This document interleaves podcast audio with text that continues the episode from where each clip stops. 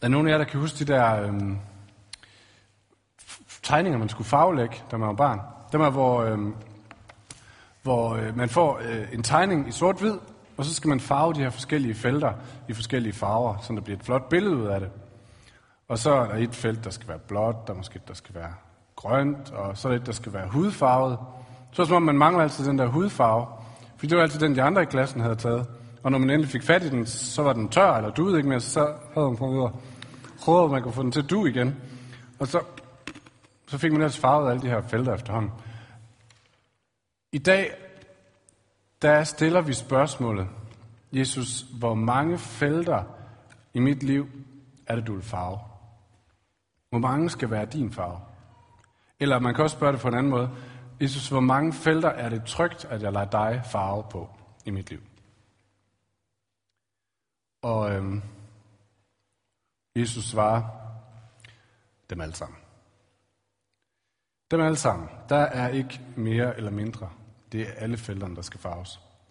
Fordi han siger, som vi skal se på i dag, jeg vil være din fuldkommende tryghed, og jeg vil være din fuldstændige retning fremad.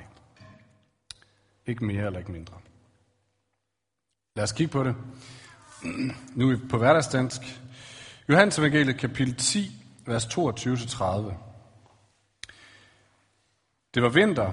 Jesus var i Jerusalem, da tempel indvielsesfest. Jeg ved hvad, vi tager den simpelthen der, fordi det kan jeg bedre holde styr på. Der står den i den uh, originale. Så kom festen for genindvielsen af templet i Jerusalem. Det var vinter, og Jesus gik rundt på tempelpladsen i Salomos søjlegang. Der slog jøderne ring omkring ham og spurgte, hvor længe vil du holde os hen? Hvis du er Kristus, så sig os det lige ud. Jesus svarede dem, jeg har sagt det til jer, og I tror det ikke. De gerninger, jeg gør i min fars navn, de vidner om mig, men I tror ikke, fordi I ikke hører til mine får. Mine får hører min røst, og jeg kender dem, og de følger mig.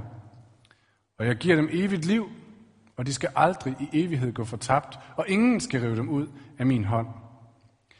Det min far har givet mig er større end alt andet, og ingen kan rive det ud af min fars hånd.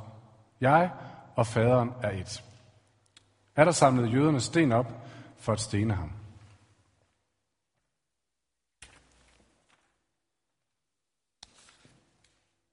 Vi kommer øhm, ind til Jesus her i Johannes evangeliet. Og Jesus han har lige været i gang med en stor undervisning op i templet for jøderne. Og han har undervist dem ud fra billedet af den gode hyrde. Den gode hyrde, som samler sin får og som sætter sit liv til for forerne. Og det billede, de har af den gode hyrde, øh, eller af hyrden, det er det her mellemøstlige land, hvor der er tørt, der er meget lidt vand, der er varmt, og får er en vigtig ting. Så hyrderne, de tager deres får om morgenen, så leder de dem ud et sted, hvor der på den her årstid er noget, de kan spise, og der er noget vand, de kan drikke. Og når det begynder at blive aften og koldt, så leder han dem tilbage igen til et trygt sted at sove. Det er det billede, de har af hyrden, og Jesus han siger, det er det, jeg er kommet for. Jeg er kommet for at samle jer sammen. Så er jeg kommet for at gå foran jer og lede jer et sted hen, hvor I har det, I har brug for. Hvor I får den mad, I har brug for. I får de ting, I har brug for. Og jeg vil lede jer hen et sted, hvor der er trygt at være. Jeg vil være jeres hyrde. Og han overdriver billedet helt vildt. For han siger, hvis der så kommer nogle vilde dyr og angriber jer, så vil jeg kaste mig imellem jer, så den spiser mig i stedet for jer. Han overdriver helt vildt, at der er ingen hyrder, der vil gøre. Men den slags hyrde vil jeg være, siger han. Og når han siger det, så spiller han på et meget vigtigt billede for jøderne. Jøderne de havde lige med det samme tænkt, wow, det sagde han bare ikke det der. Fordi i hele det gamle testamente, der er der igen og igen refereret til, at Gud siger, jeg er den gode hyrde. Og, og jøderne går med en forventning, særligt fra et sted i Hoseas' bog, hvor, Jesus, hvor Gud han siger, en dag så vil jeg komme, og jeg vil samle jer sammen fra de steder, I er spredt, og så vil jeg sørge for jer som den gode hyrde. Og måske det mest kendte sted er salme 23, hvor David siger, Herren er min hyrde. Jeg, jeg lider ingen nød. Så når Jesus han siger, jeg er den gode hyrde, så er det ikke bare en eller anden hvilken som helst hyrde, der har en god idé. Nej, så siger han, jeg er den gode hyrde, som skal samle jer, så I på ingen som helst måde kommer til at lide mangel fra nu af. Så I ikke øh, kommer til at lide under nogle behov, som jeg ikke kan stille jer. Så I ikke kommer i fare. Jeg vil være jeres tryghed på alle ledere og kanter, for jeg og Gud er et, som han også siger til sidst. Så det stod i, øh, i, i jødernes erindring, sådan meget tydeligt, da Jesus han siger det, som vi lige har læst. Så øh, skal I lige holde den i mente et øjeblik, så parkerer den lige her. Fordi der var nemlig også noget andet, som jøderne de havde i hovedet på det her tidspunkt. Johannes han nævner det lige for os med et kort ord. Han siger, at det er festen for, for templets genindvielse. Det, det betød, det var, at Jesus var i templet, og de var samlet om en fest. Og den her fest vagte nogle meget stærke tanker og følelser. Det var sådan med templet for jøderne, at templet var det vigtigste sted overhovedet på jorden. Fordi templet var det sted, hvor Gud og mennesker kunne møde hinanden, hvor jord og himmel smeltede sammen. Og når man kom i templet, så var man der, hvor Gud var. Men historien om templet var også, at igen og igen har der bare været kamp omkring det her tempel.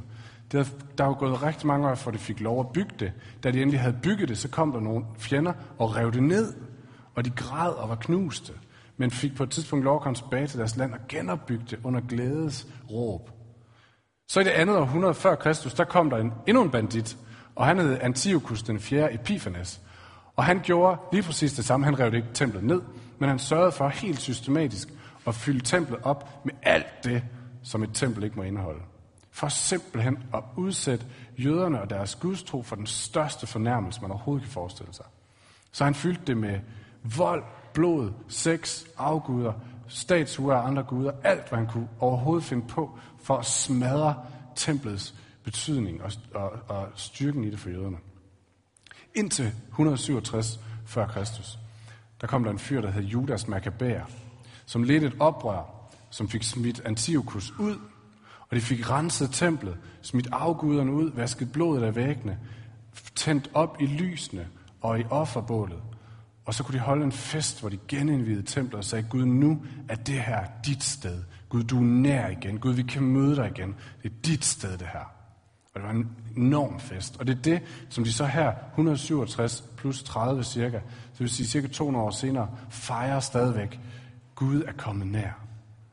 Og dengang, hvor Judas Maccabær gjorde det her, genindvidede templet og fik, øh, gav plads for Guds nærvær, som en form for tak så udråbte folket ham til konge, og hans slægt, Makabæerne, kom til at være konge i en lang periode. Fordi de tænkte sådan her, den, som bringer Guds nærvær, er også den, som skal være vores konge. Og kongen var altid bare en, en, øh, en, en indtil videre løsning, indtil Gud skulle komme og være deres rigtige konge. Så det med Guds nærvær og konge hang sammen for dem.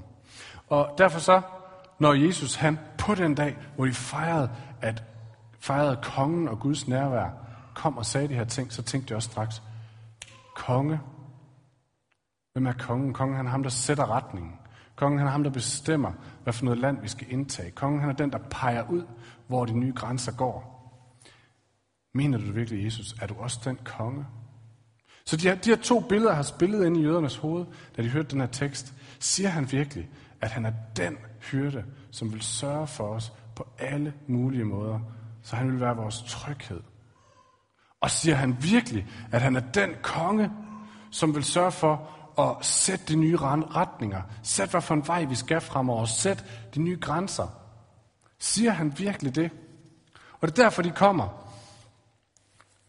Det er derfor, de kommer hen til ham og spørger, er du virkelig ham?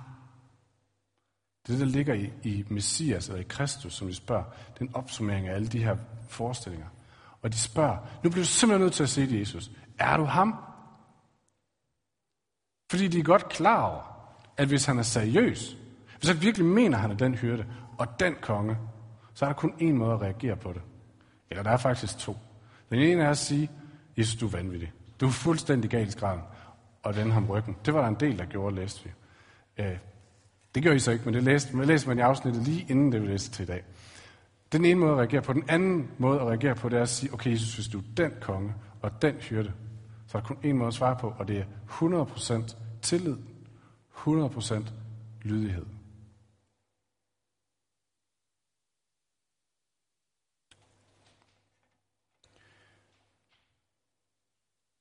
C.S. Lewis, ham der har skrevet Narnia-bøgerne blandt andet, en stor engelsk forfatter, han har sagt sådan her på et tidspunkt, hvis kristendommen er falsk, så er den uden betydning. Hvis kristendommen er sand, så er den af uendelig betydning. Det eneste, den ikke kan være, det er af moderat betydning. Med andre ord, enten så har Jesus ingen indflydelse på min tryghed og min retning fremover, så er han ligegyldig. Eller også så har han 100% indflydelse på min tryghed og min retning fremover. Der er ikke nogen mellemvej. Der er ikke noget alternativ. Man kan ikke sige, om Jesus er lidt interessant, eller jeg kan være lidt tryg ved Jesus, eller han må bestemme lidt af min retning. Nej, det er enten eller. Enten ingenting, eller det hele. Og øh, det er det, det, er det jøderne med deres lange historie med Gud var klar over. De var klar over, at de påstande, Jesus han kom med, hyrde konge, var så fuldstændig vildt radikale. De blev simpelthen nødt til at spørge Jesus, nu bliver du nødt til at fortælle os det lige ud. Er du seriøs? For vi hopper ikke på toget, før vi er sikre på, at du mener det. Er du ham?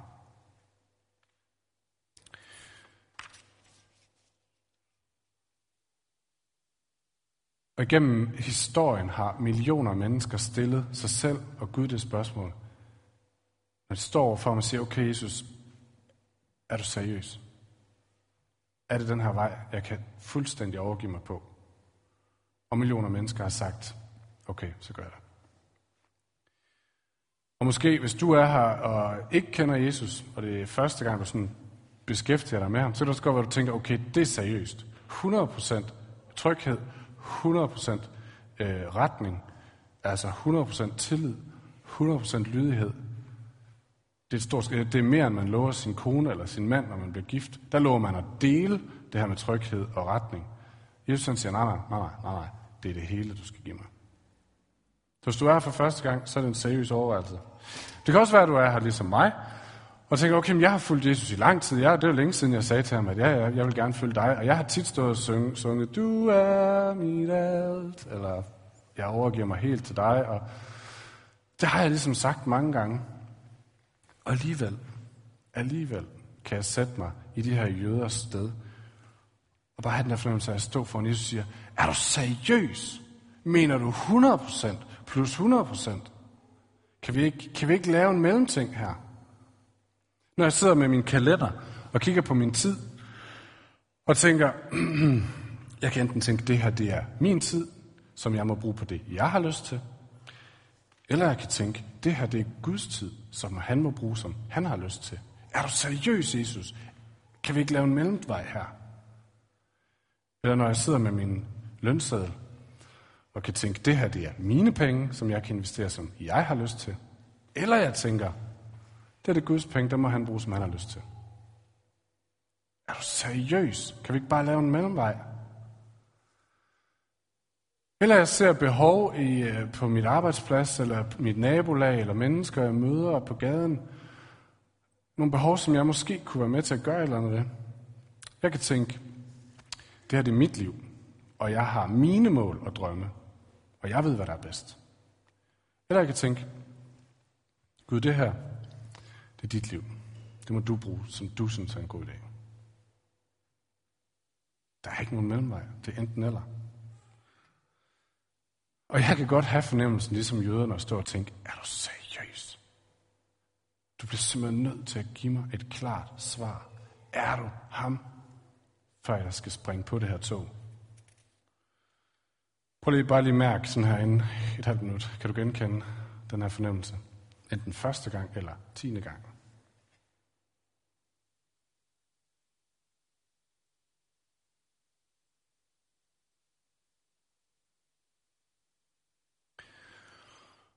Ja. Vi skal se på, hvordan Jesus han svarer på det her spørgsmål, fordi han svarer jo selvfølgelig. Men jeg vil godt advare mod, at hans svar er en lille smule chokerende. Og en lille smule hårdt. Så er det godt, at jeg kan bruge Jesu ord. Det er ikke mig, der siger det. Det er Jesus. Så det er ikke mig, jeg skal komme og skille ud på. Og oh, det må jeg godt, men jeg henviser jeg bare.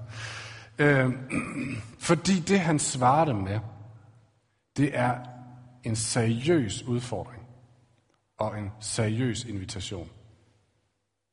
Det er ikke et let svar. Det er en kæmpe udfordring, og det er en kæmpe invitation. Lad os prøve at se på det. Øh, han siger, da de spørger, er du ham, er du Kristus, siger det lige ud, så siger han, venner, venner, venner. Jeg har sagt det til jer, men I tror ikke på mig. Og de gerninger, som jeg gør i min fars navn, de vidner om mig, men I tror ikke på mig. Kan I mærke udfordringen? Det er som om han siger, venner, jeg kan ikke sige det tydeligere. Jeg kan godt prøve at forklare det igen, men det vil ikke gøre nogen forskel. Det er som man siger, hvis I har hørt efter, når jeg har snakket, og hvis I har kigget på mit liv, hvordan jeg møder mennesker, på hvad det har gjort ved jeres eget, ved jeres eget liv at gå sammen med mig, på alt det, jeg har set omkring mig, hvis I har hørt, og hvis I har kigget, så burde der ikke være grund til at stille det spørgsmål mere. Kan I mærke udfordringen?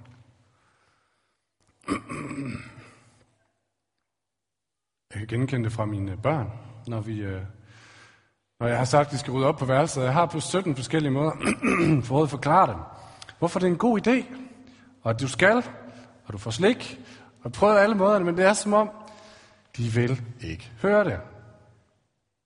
det jeg har været tydelig nok, de vil bare ikke høre det. Og øh, jeg tror, det er sådan, Jesus han står for disciplen her.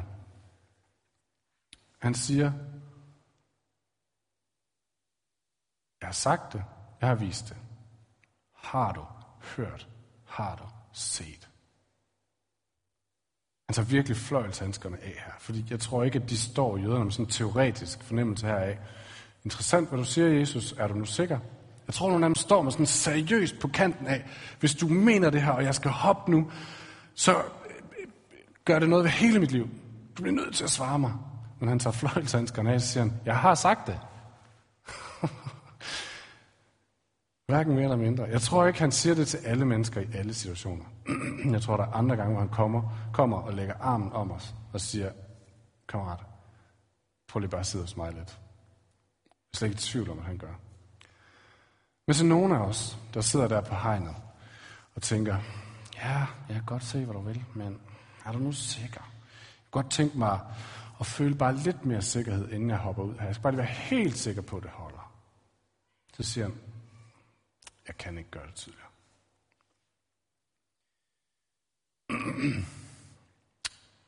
Så Jesus, nogle gange så tror jeg, vi, vi har den der tanke om, at skal vi følge Jesus, så skal jeg have den rigtige øh, følelse af sikkerhed.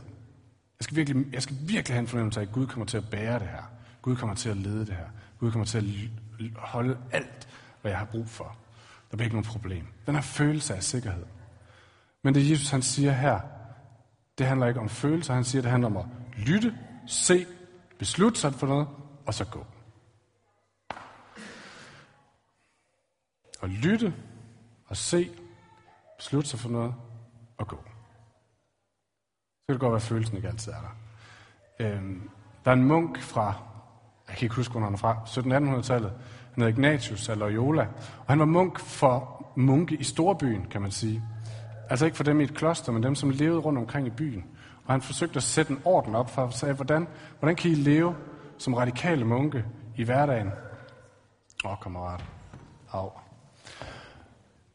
Hvordan kan vi leve som, som radikale munke i storbyen? Og han sagde, en del af hans, hans orden, og jeg skal lige lade Eskild få lov at komme ned.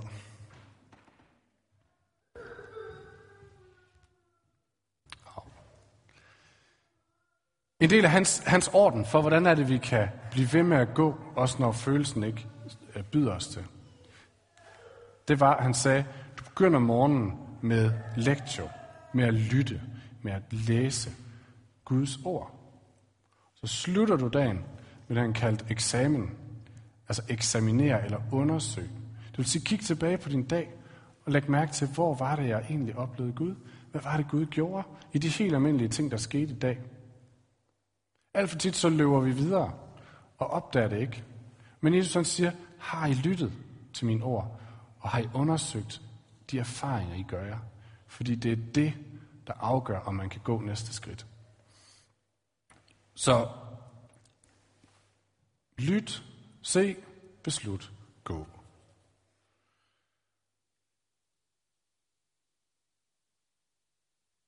Mange af os kender alligevel den her usikkerhed, den her tvivl, den her, ja, er du seriøs, Jesus? Det betyder ikke, at, vi, at Gud har fjernet sig fra os. Det har jeg bare lige lyst til at understrege. Fordi når vi står der, hvor vi godt kender til den her følelse af, Åh! så står vi sammen med resten af verden. Så står vi sammen med resten af verden af, vi kender godt til, hvad det vil sige, og længes efter tryghed, og længes efter retning, og gribe efter det alle mulige steder i vores verden. Hvor får jeg at vide, at jeg er tryg? Hvor får jeg at vide, hvad for en vej jeg skal gå? Hvad for en vej er det, jeg har fremad? Vi kender det godt, og der står vi sammen med resten af verden. Men det at være en disciple, det at følge Jesus, det er ikke noget med, at man ikke har den tvivl. Det handler bare om, at på trods af tvivlen, bliver vi ved med at følge hyrden. Og det er den eneste grund til, at vi tør at forsøge at kalde os en missional kirke.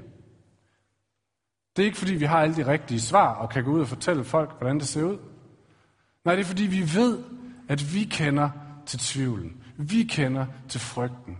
Vi kender til længslen. Ligesom verden gør. Og der står vi sammen med verden.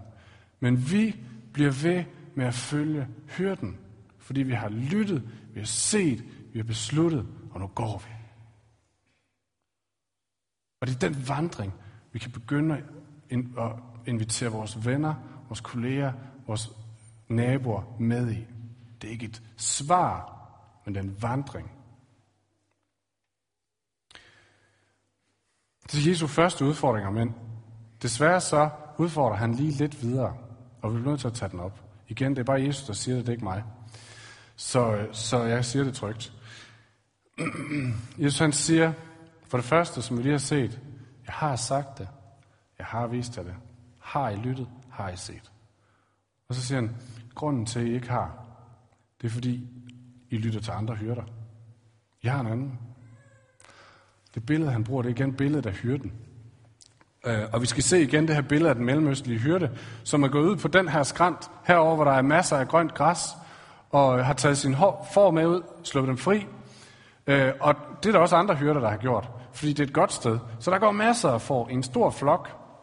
Men da hyrden beslutter sig for, at han skal hjem, så rejser han sig op, kalder på sin får, og så følger de efter ham. Alle dem, der er hans får, de følger efter ham. De kunne være blevet stående i mængden og tænke, nej, jeg tror lige, jeg tager en anden hyrde i dag. Det gør de ikke. De følger efter ham. Og han siger, hvis I ikke følger efter mig, så må det være fordi, I følger en anden hyrde. Han siger, I hører ikke til mine får. I følger en anden hyrde. Og det han siger, det er, når I står derude på marken sammen med alle de andre får, og I hører hyrdens stemme, hvor er det så, I hører en, der lover jer tryghed? Hvor er det, I hører en, der lover jer en retning fremad? Hvem er det, I giver jeres absolute tillid? Hvem er det, I giver jeres absolute lydighed? Det er ham, der er jeres hyrde. Og han siger, siden I ikke følger mig, siden I bliver med at stille det her spørgsmål, så må det være, fordi der er nogle andre hyrder i jeres liv. Og øh, jeg tror ikke, man kan give et svar på, hvem det er, eller hvad det er. Jeg tror, vi hver især kan sætte os ned og tænke, hvad er det for nogle ting i mit liv, jeg egentlig regner med, er min fuldstændige sikkerhed, er min fuldstændige tryghed? Hvad er det, jeg regner med, at hvis jeg er lydig imod det her, så kommer jeg til at klare mig resten af mit liv? Er det mit arbejde, min penge, min familie, min ære, hvad ved jeg? Ting og sager, som vi tænker, hvis jeg er lydig mod det, og følger det, og gør de ting, det pålægger mig at blive her, så kommer jeg til at være tryg, og så har jeg en retning. Jesus siger, grunden til, at I ikke følger mig, det må være, fordi der er nogle andre røster, nogle andre hyrder, som taler højere, end jeg gør i jeres liv. Og det må simpelthen være fordi, at dem, de hyrder, der står der, eller de får, der står ude på marken og går andre steder hen, de må tænke, jeg er faktisk ikke lige sikker på, at den her hyrde kommer til at bringe mig et godt sted hen, siden vi ikke lytter til ham. Og igen, det er ikke mine ord, det er Jesus selv, der siger det.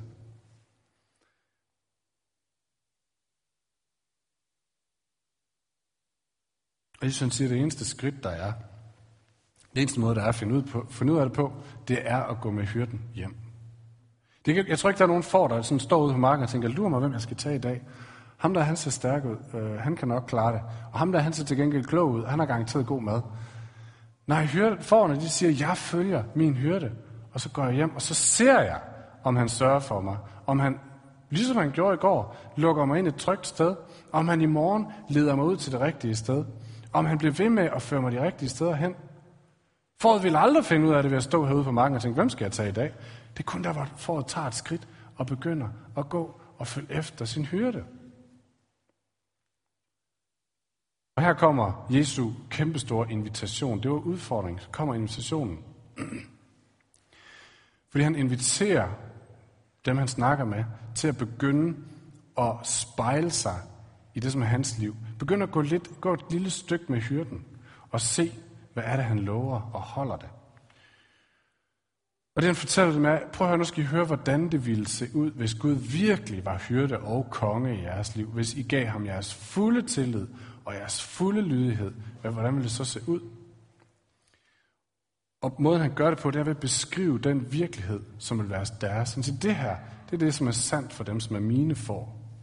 Træd ud i det og begynd at leve det. Og der er noget med det her med, at begynde at leve i en virkelighed.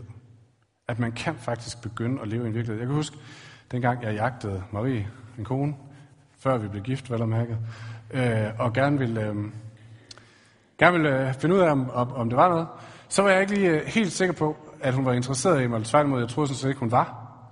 Så jeg øh, var sådan lidt, øh, gik sådan lidt lurende rundt om hende og tænkte, hvad, øh, kan jeg vide, hvad det her det skal være for noget. Jeg var lidt forsigtig. Jeg troede ikke rigtigt på, hvis hun sagde noget, som kunne forstås positivt. Ah, det kan vist ikke helt passe. Og når der var andre fyre, hun stod og snakkede med, så tænkte jeg, ah, det går skidt det her. Øhm, og jeg levede i det hele taget sådan lidt en skyggeside af mig selv. Det ved jeg ikke, om nogen af jer mænd kender. At man på en eller anden måde bliver en skyggeside af sig selv i den situation. Men den dag, jeg fandt ud af, at hun faktisk var interesseret i mig, og faktisk havde været det i lang tid, så kunne jeg lige pludselig begynde at leve fri og frejdig på en helt ny måde. Det var ikke, fordi der skete noget nyt i virkeligheden, fordi hun havde hele tiden været vild med mig. Men lige pludselig vidste jeg det, og jeg kunne begynde at leve i en ny virkelighed. Og det er det, Jesus han prøver at beskrive for sine disciple her. Han siger, her er en ny virkelighed. I kan begynde at leve i den. Eller I kan blive ved med at sidde hernede og leve en skyggeside af jer selv.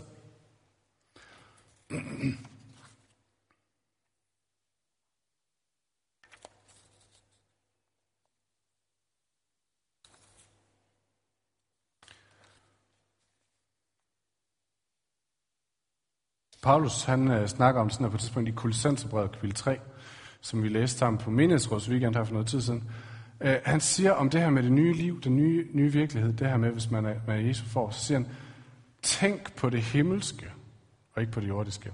Og at tænke på det himmelske handler ikke om, at vi skal sidde og forestille os, hvordan det ville være, hvis vi sad og spillede harpedagen lang i himlen. Det er ikke det, han snakker om. Og han siger, prøv, prøv at begynde at forestille jer, hvordan det ville se ud, hvis Gud var jeres absolute tryghed, jeres absolute retning fremover. Begynd at forestille jer, hvordan det ville se ud. Begynd at leve det allerede nu, som om det er virkeligheden. Giv din opmærksomhed til det. Og Jesus siger det på den her måde, i det vi lige har læst. Og nu øh, citerer jeg bare Jesu ord. Og jeg tror på, at de her ord, hvert eneste af dem, er en beskrivelse af den virkelighed, og de rummer kraft til at afmontere al den frygt eller usikkerhed eller øh, selvstændighed, eller hvad vi er, der står i vejen for, at vi følger Jesus. Og hvad det eneste ord kan man synke ned i og prøve at forstå, wow, hvad er det for en virkelighed? Og begynde at tage skridt efter hyrden. Så han siger, mine får hører min røst. Det vil sige, Guds stemme kan høres af os alle sammen. Hvis vi lever i hans virkelighed, hvis vi kalder Jesus vores, vores far, vores hyrde, så kan vi høre hans røst. Min for, når jeg kender dem, så betyder, at Jesus er ikke sådan en, som jeg skal forsøge at gøre mig fortjent til, som jeg på en eller anden måde skal forsøge at tilfredsstille. Nej, han kender mig allerede. Jeg er allerede kendt og set af ham. Han er her allerede. De følger mig, det er ham, vi tager skridt efter. Vi får lov til bare at følge efter. Vi skal ikke selv opfinde vores liv. Vi skal ikke selv finde ud af, hvad der er det rigtige. Vi følger bare ham.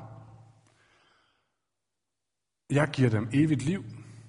betyder ikke bare, at en gang når vi dør, så er der et langt liv derefter. Nej, det betyder, at det liv, som vi allerede har fået lige nu og her, det er det liv, Gud har tænkt sig at genoprette. Det betyder, at det giver faktisk mening, hvordan jeg bruger det her liv. Hvordan jeg investerer i det her liv. Det giver faktisk mening at leve, som om Gud er kongen, og følge ham i det her liv. De skal aldrig i evighed gå fortabt. Det her liv, det slutter ikke på noget tidspunkt. Og ingen skal rive dem ud af min hånd. Der er ingen fjende, som er stærk nok til at trække os væk fra det her. Der er ingen fjende, der er ingen ting i den her verden, ingen, ikke noget som helst, som er stærk nok til at ødelægge det. Og hvad er de ting af ord, som kan afmontere? Og Jesus siger, invitationen er begynd at spejle dig i det her liv. Begynd at se det som din virkelighed. Og begynd at leve det. Og nu vil vi bruge lidt tid her til allersidst med at bare lade de her ord stå. Øhm, jeg ved ikke, om du har et slide mere, Simon, hvor de står hver for sig.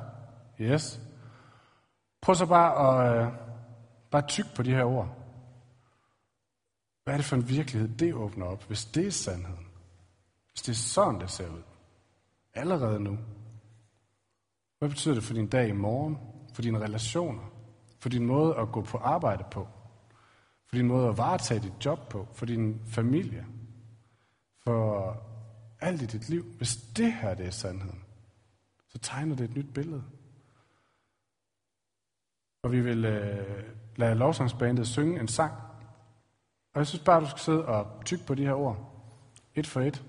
Spørg Jesus, om der er et af dem, han sådan særlig meget udfordrer eller inviterer dig til at, at gøre til dit for en tid. Yes. Værsgo.